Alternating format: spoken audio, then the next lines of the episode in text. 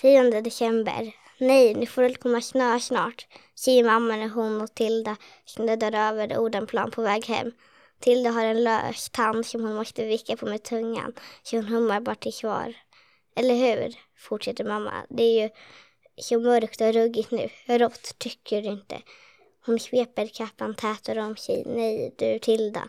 Nu börjar faktiskt få snö, för julens stämnings skull. Mm, säger Tilda.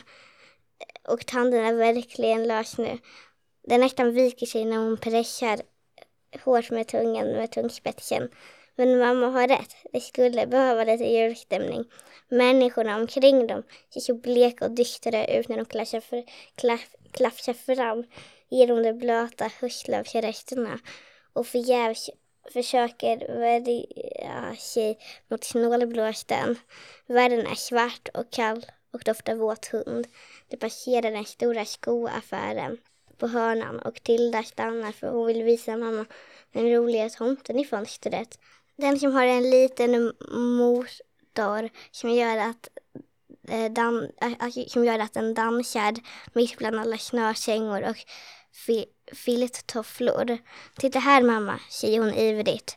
Och mamma tittar och Tilda tittar och mamma undrar lite vad det är de tittar på.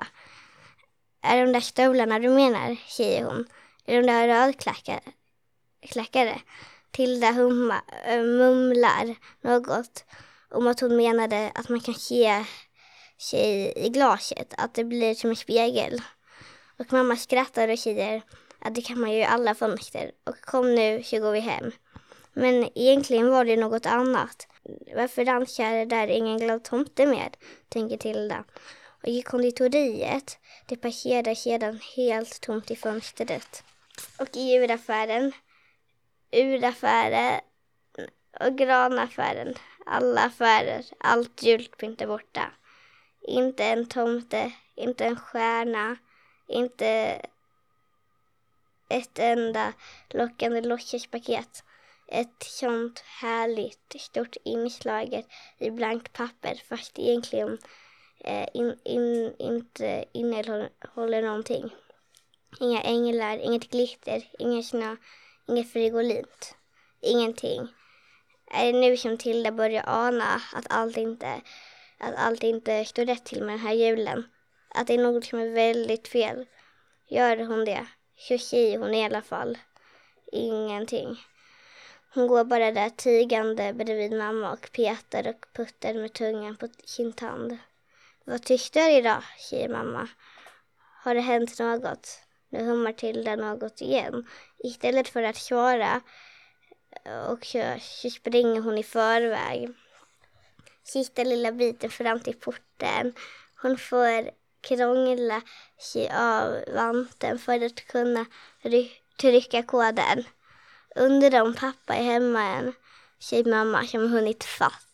Hunnit ifatt. Då blir han nog glad att se oss. Nog är han alltid hemma, men verkligen inte glad.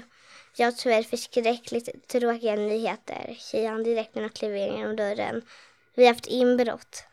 Tilda och mamma drar efter andan. Inte här i lägenheten, tillägger pappa, som haft i vindförrådet. Mamma blir förstås lättad, men undrar ändå som kan ha stulit gammalt allt skräp det förvarade i kyffet. Tältgängen, babygymmet, slalompjäxorna Julsakerna, svarar pappa bekymrat. Alltihopa, lådan är tom. Tack för att ni lyssnade. Hej då. Jag heter Linnea och går i 3B.